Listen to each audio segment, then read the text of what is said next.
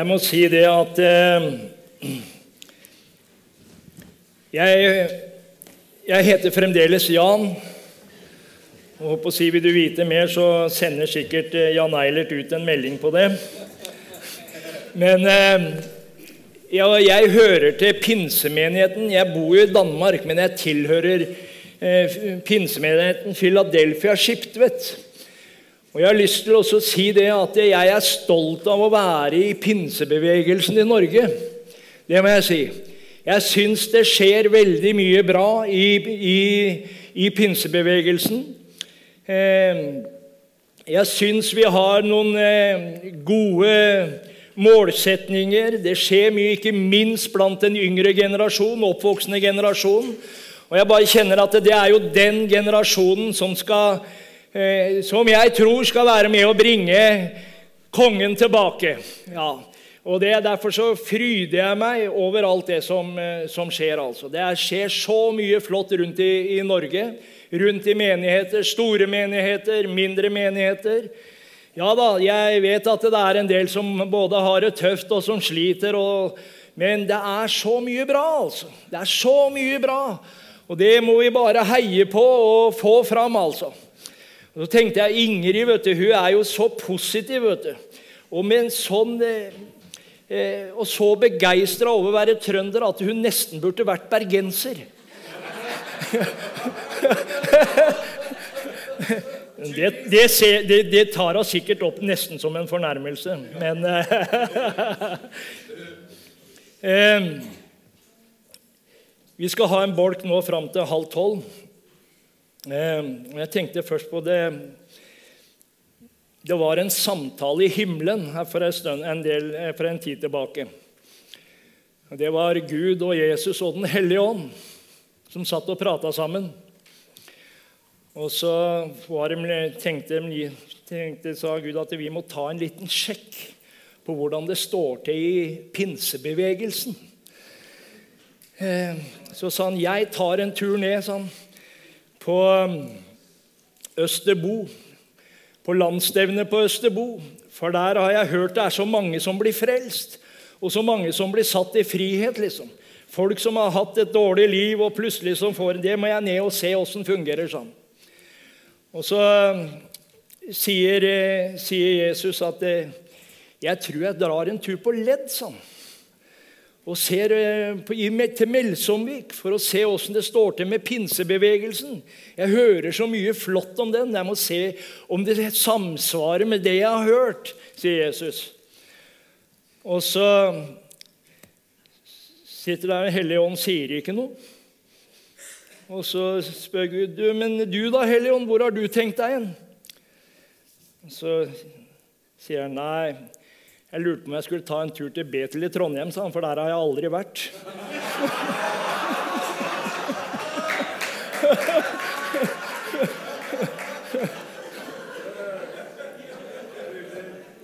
Men vi kjenner jo at han er her, da. Så um, jeg, jeg tror han har vært der. Men de har humor i himmelen òg, vet du. Det var en som sa til meg eh, for um, det var jeg, helt i starten, når jeg begynte å skulle forkynne evangeliet og reise rundt. Så var det en klok mann som sa til meg Jansson, det er tre ting du må huske på når du skal reise som forkynner. Det ene er at du har noe å si. og det var jo klokt. Det er jo et bra utgangspunkt. Og så må du sørge for å få sagt det. Det er også viktig. Men så sa han det aller viktigste sa han, det er at du slutter når du har sagt det.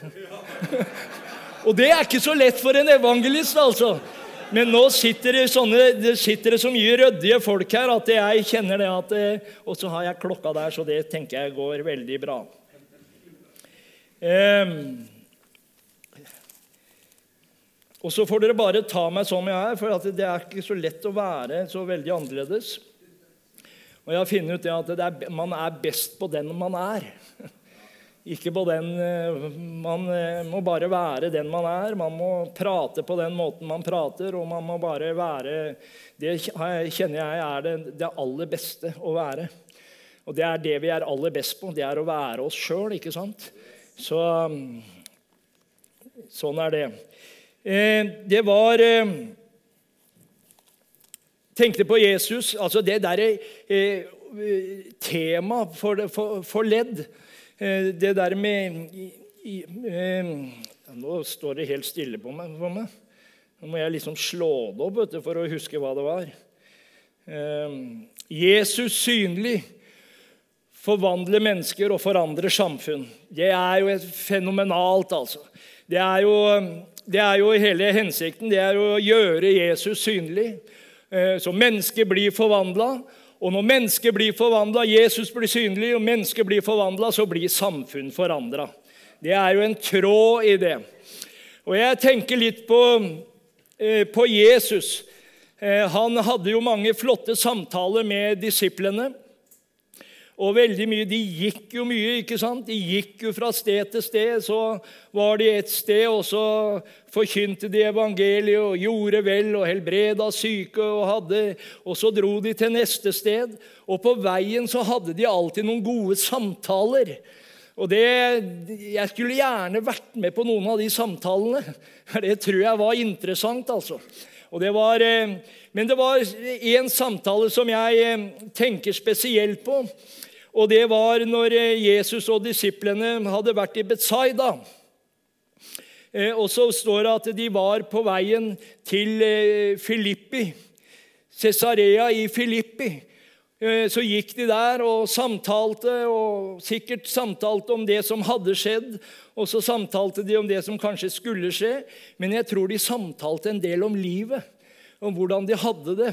Eh, og så sier Jesus plutselig i den samtalen Det står i Markus 8. Eh, så sier Jesus plutselig til disiplene Hvem sier menneskene at jeg er? Ja, Merkelig spørsmål på en måte, for Jesus, det visste, tror jeg vel en mistanke om at Jesus visste litt om.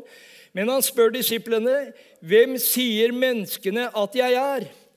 Og så svarte de ham, 'Noen sier døperen Johannes, andre Elias og andre igjen en av profetene.'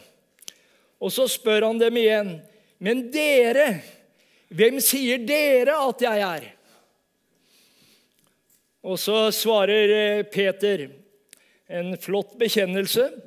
Han sier, 'Du er Messias, den levende Guds sønn'. Ja, Flott sagt, vet du. Eh, Jesus var ikke like imponert over han noen vers lenger ned, men da sier han til han 'Vik bak meg, Satan'. Han sier 'Du har ikke forstått noen ting', men akkurat det forsto han. At han var Messias, den levende Guds sønn. Og så tenker jeg litt på det, det er jo på en måte noe av det spørsmålet Jesus stiller oss. Hvem sier dere at jeg er? Eller for å si det på en annen måte hvilken Jesus er det vi presenterer for menneskene? Hvilken Jesus er det vi presenterer? Jesus synlig. Hvilken Jesus er det vi presenterer? Hvem sier vi at han er? Én ting er hva vi sier, en annen ting er hva vi viser. Ja, Gjennom det livet du og jeg lever, for det er det som mennesker ser. Eh, og med, Hvis du snakker med folk du, Vi kunne tatt en runde her, én etter én eh, så kunne du spurt og snakka Du kan gjøre det i pausen og spørre folk hvordan var det du kom til tro. Hva var det som gjorde at du kom til tro? Og du vil få en del forskjellige historier, eh, selvfølgelig. Men hvis du liksom summerer det opp, så ville jeg være ganske sikker på at de fleste ville, komme, ville si at det var på grunn av et annet menneske. Det var i et møte med et annet menneske. Jeg møtte en, møtte en fyr som jeg så det var noe ved den fyren som jeg kjente bare at jeg hadde lyst til å få tak i. Det var noe han sa, eller det var noe han gjorde, eller det var noe med hans framferd. Det var noe ved øya hennes.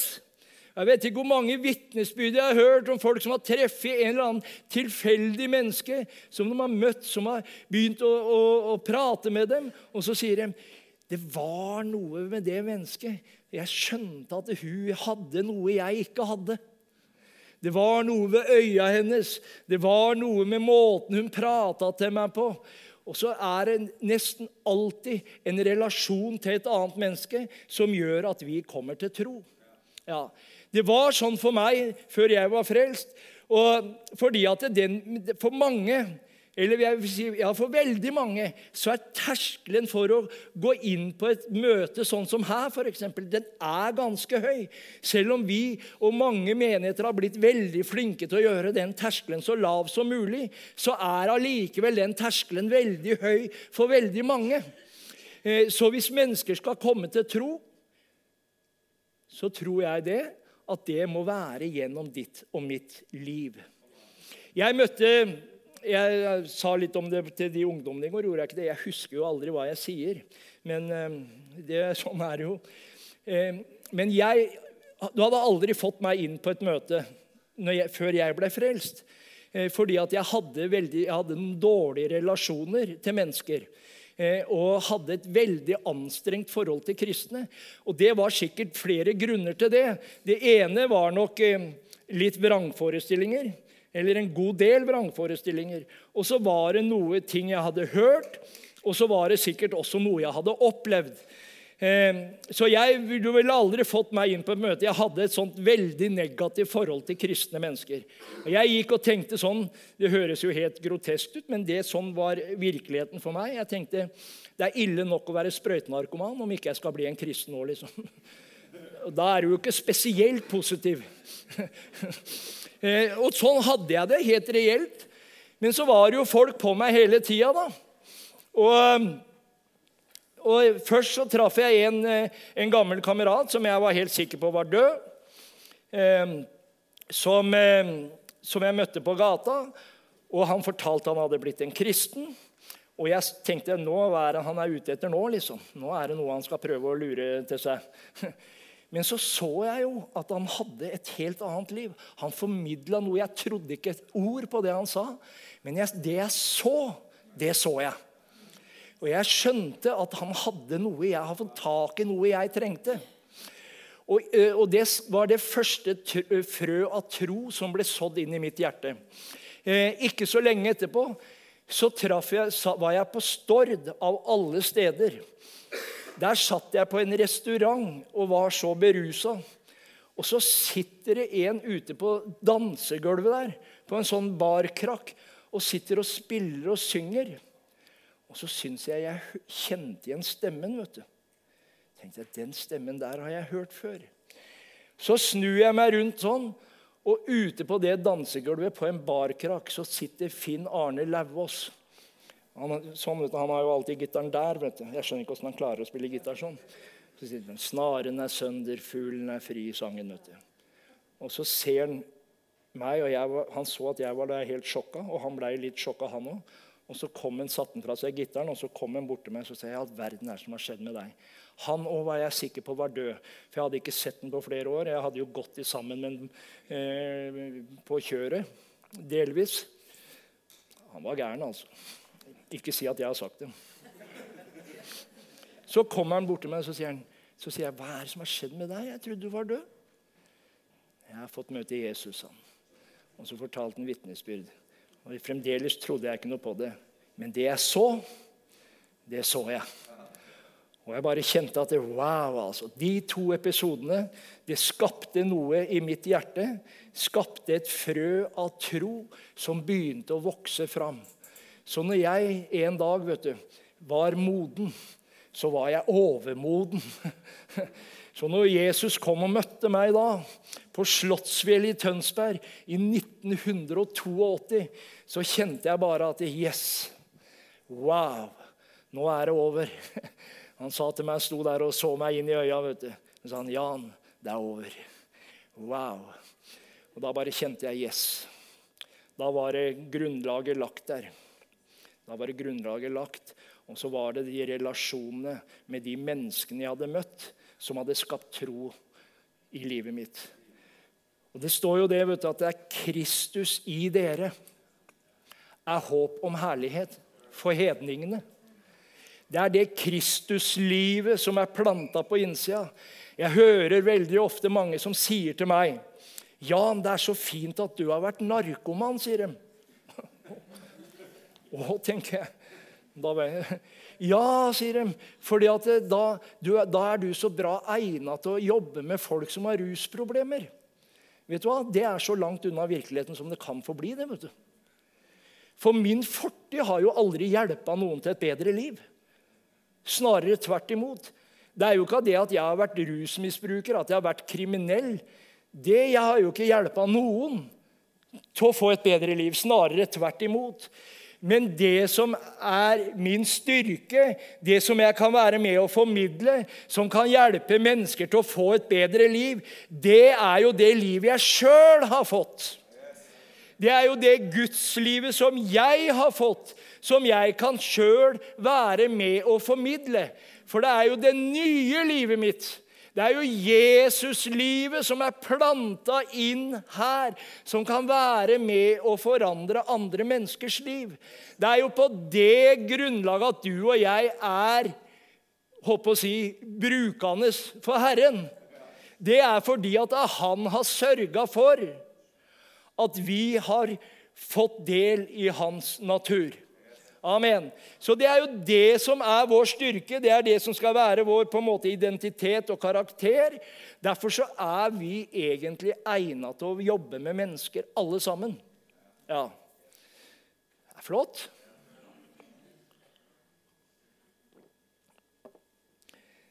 Jeg hadde en eh, gammel bestemor.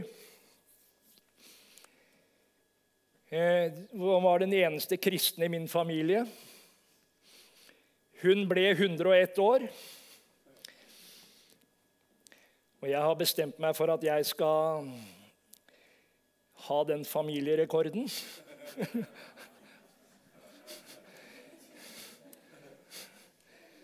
Men da Det forutsetter at Bente også blir eldre med åra, holdt jeg på å si. Men hun hadde en tro på bønn. Det var det ene. Men hun hadde en holdning til mennesker som har lært meg så mye. For alle dem jeg omgås, vet du, av både familie og venner og andre folk, de var, de var alltid ute etter meg. vet du. Nei, nå må du se å slutte med det der livet du lever. Du kan ikke holde på med det der narkotika. Har du sittet i fengsel igjen nå? Ja, nå må du se å ta skjea i annen hånd, og nå må du skjerpe deg. Du kan ikke leve sånn. De var på meg hele tida og skulle irettesette meg, korrigere meg, og fortelle om meg hvor dårlig liv jeg levde.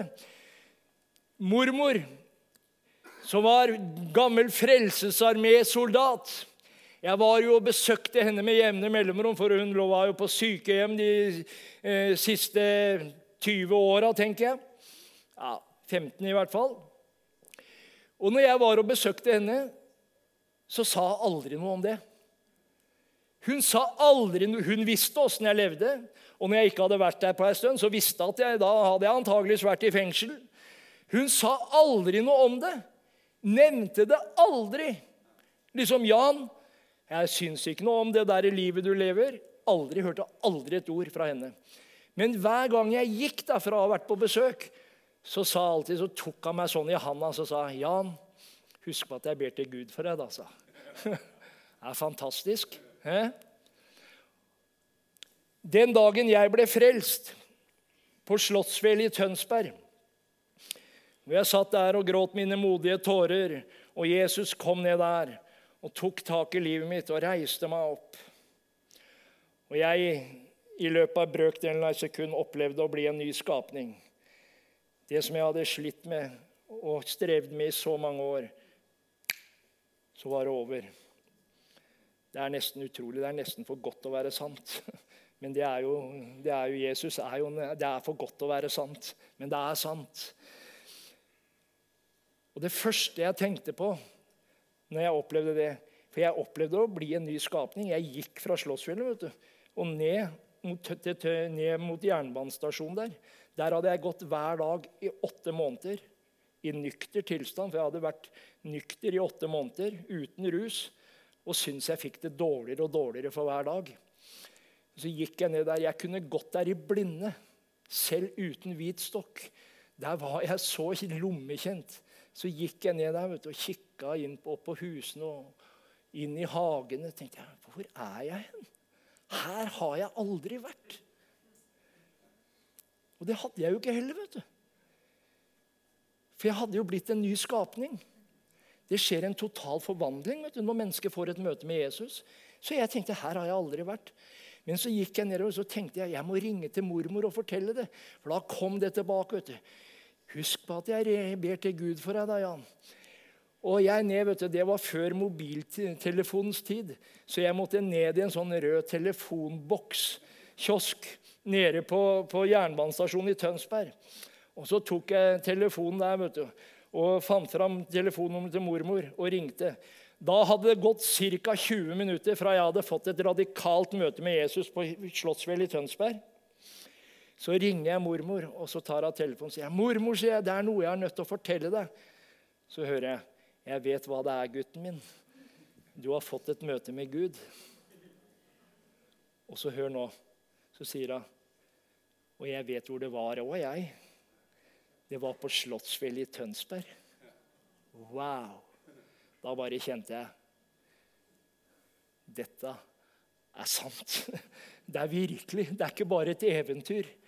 Men du skjønner det at Gud hadde vært der hos henne vet du, for lenge siden. Og fortalt henne og åpenbart for henne hva som kom til å skje. Det var derfor hun aldri stakk fingeren i magen på meg. vet du. Hun hadde ikke noe behov for det. Hun Hun visste hva som skulle skje. hun. Gud hadde åpenbart det for henne, hva som kom til å skje. Hun visste at den som ber, den får. Så hun behøvde ikke å si ja, nå må du slutte å ruse deg. Nå må du ikke være kriminell lenger. Hun behøvde ikke det, hun. For hun visste at han som ga løftet, han var trofast. Så hun visste det at en dag så kommer Jan til å møte Jesus på Slottsfjellet i Tønsberg. Og alle mine bønner I det øyeblikket så er alle mine bønner hørt. Og da kan jeg reise hjem. Og det gjorde hun 101 år gammel. Fenomenalt. Gud er fenomenal.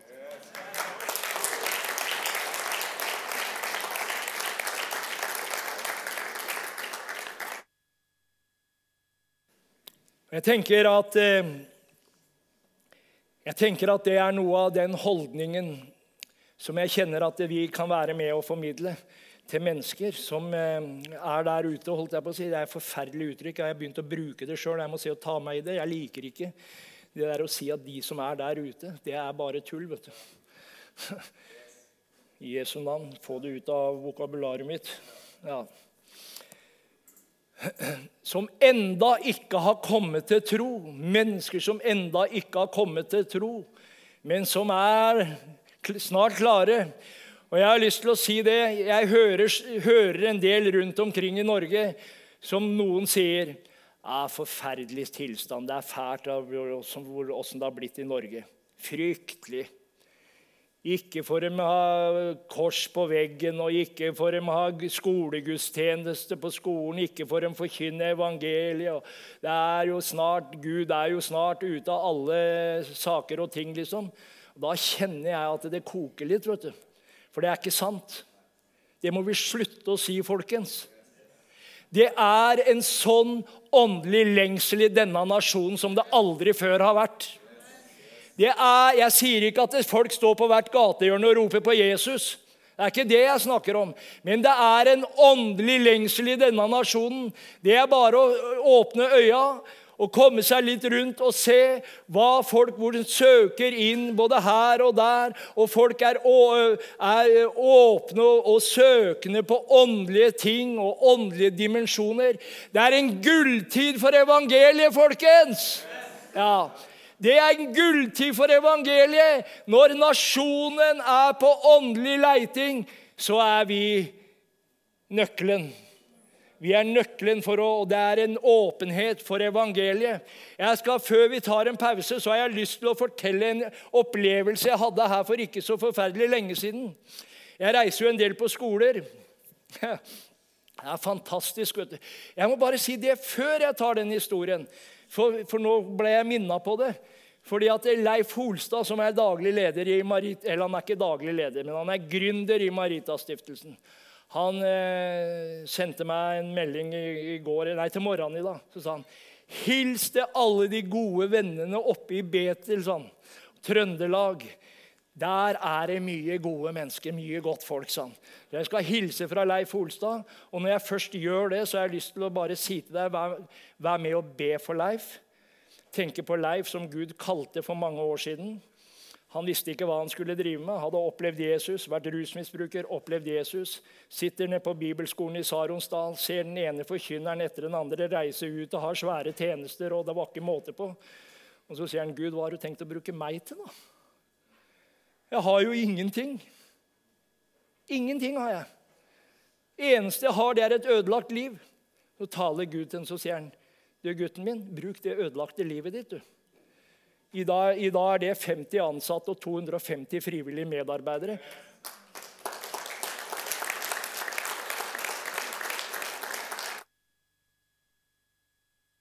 Alvorlig sjuk.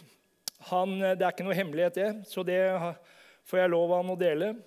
Han har en ja, Det er en lang historie, men bare sånn kort fortalt så har han kreft i ryggen. Masse kreftsvulster i ryggen. Fryktelig med smerter. Lege, han har vært igjennom alt som er av behandlingsformer, både cellegift og stråling og andre kurer. Og legen har sagt beklager, Leif, men vi har ikke noe mer å sette inn. Det er ikke noe mer behandling som kan hjelpe deg. Og han er sjuk. Han, han, har fått prognosene for livslengden hans han har igjen, er veldig dårlige. Eh, så det eneste som kan redde livet på ham, det er jo selvfølgelig da et guddommelig inngripen. Og han tror på en helbredelse. Han legger planer for lang tid i forveien, eller framover. Gud har gitt noen visjoner som han sier de har enda ikke oppfylt. Jeg tror ikke jeg skal dø før at jeg har fått oppleve det. Og, og han har fått en ny åndelig Hva skal jeg kalle det? en oppfriskning til de grader. Og um, skriver bøker og er utdanna. Aldri preka så mye som det han gjør, og har gjort det siste året. Enda så sjuk han er. Kona hans Eva-Lena må kjøre ham på møter. Han kan ikke, nesten ikke gå, han kan ikke stå, men eh, nesten ikke. Full av smerter. Be til Gud om at Leif skal bli helbreda. Vi tror på det i Maritastiftelsen, at det skal skje et under. Og um, så han sier sjøl jeg vil ikke fortelle om sykdommen før jeg er et vitnesbyrd, sier han. Om legedom. Det er sterkt, vet du. Leif har betydd så mye for meg. Han er, hadde ikke vært for Leif, hadde jeg nær sagt, så hadde jeg vel ikke stått her, tenker jeg. Leif er en fenomenal kar. Så be for han. Men nå er det jeg skal avslutte med denne seksjonen. sesjonen. Det var, eh, jeg var på en skole oppe jeg var i Finnmark, i Alta. Alta er fenomenalt. altså. Finnmark. Jeg kjenner Finnmark. Det er noe spesielt med Finnmark. Det er enda bedre enn Trøndelag. Ja, ja. Bra, Elisabeth. Det er lagt på hjertet mitt Finnmark. Bente har fått vært med der oppe nå, og det har vært veldig veldig bra. Men så var jeg på en skole der, en ungdomsskole, og hadde hele ungdomsskolen på kinoen der. Sånn eh, auditorium kino. 250 skoleelever. Og så kommer rektor bort til meg og så sier han, det er vel ikke noe forkynnelse i det du skal presentere. sånn. Nei, nei, nei, så jeg slapp helt av. Det er helt forkynnelsesfritt. De er så rare vet du, på skolen. De sier det er ikke lov å forkynne, sier de, men de vet jo ikke hva forkynnelse er engang. Nei, nei, sier jeg. Det går helt fint så står jeg der og deler historien, historien min og, og med rusforebyggende og forteller om hva, hva, hvilke konsekvenser det kan få å ruse seg, og skadevirkninger og alt dette her sånn. Hele, ja, I to timer. Og så ber jeg alltid vet du, Jeg jukser, jeg, vet du, for jeg ber til Gud. Så jeg ber Gud gi meg en åpning for å forkynne evangeliet. På en sånn måte at ingen forstår det, men bare får en erfaring av det. Det er, det, er, det er, hemmeligheten. Det er å forkynne evangeliet så ikke de forstår det, hva du forkynner, men de får en opplevelse av det. Og det skjer alltid, vet du. For Gud er fenomenal. Så sitter det en gærning vet du, på bakerste benk. Der sitter alle røverne alltid bakerst. Jeg ser du har satt deg bak, Lodve. Ja. Og så rekker han opp hånda, vet du. En skikkelig voksen ungdom, altså. Og da har jeg, stått, da har jeg først stått og fortalt at eh, en dag så møtte jeg en person som endra hele livet mitt innifra og ut, som gjorde at jeg ble rusfri, som tok vekk eh, mitt dårlige selvbilde, som ga meg en ny karakter, som gjorde at jeg ikke lenger hadde lyst til å være kriminell, som forandra hele livet mitt. Jeg møtte den plutselig den dag, den personen. Så sitter han på bakerste og rekker opp handa. Var en fin marking!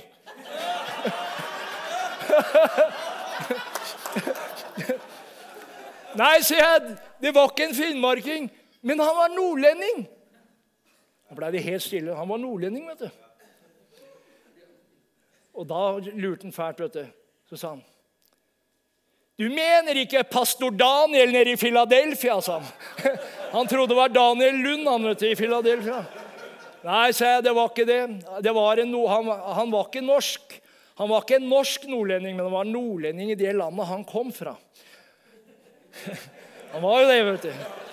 Så sa jeg du lurer fælt på hvem det var nå. Så jeg, ja, ja, ja, sånn. Det var Jesus. Jeg. Jesus flytta inn i livet mitt og endra hele mitt liv innenfra og ut. Derfor så kan jeg stå her i formiddag og fortelle det til dere. Fordi at han endra livet mitt. Så reiser den gutten seg opp, og så går han ned midtgangen du, på den kinoen. Helt bakerst 250 elever, alle lærerne og rektor, og alle sammen satt på første benk der. satt rektor og lærerne. Så kommer han fram, og så stiller han seg foran. og tenkte jeg, Han var svær. vet du. tenkte jeg, Nå slår han meg rett ned. tenkte jeg.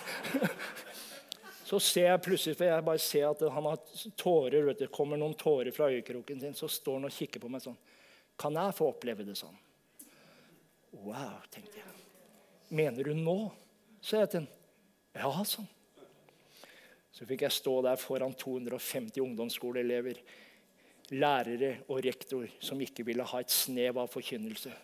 Fikk jeg legge hendene på den gutten og si, 'Jesus, flytt inn i denne guttens liv, og la han få en erfaring av hvem du er, av din kjærlighet og din nåde.' Halleluja. Så kommer rektor bort til meg etterpå, og gutten, du så jo gutten bare ble forandra. Så kommer rektoren bort til meg etterpå og sa 'Dette var fenomenalt', sånn.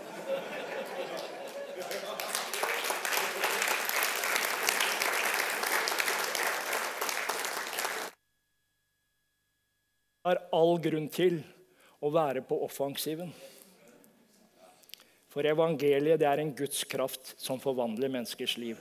Nå er det pause.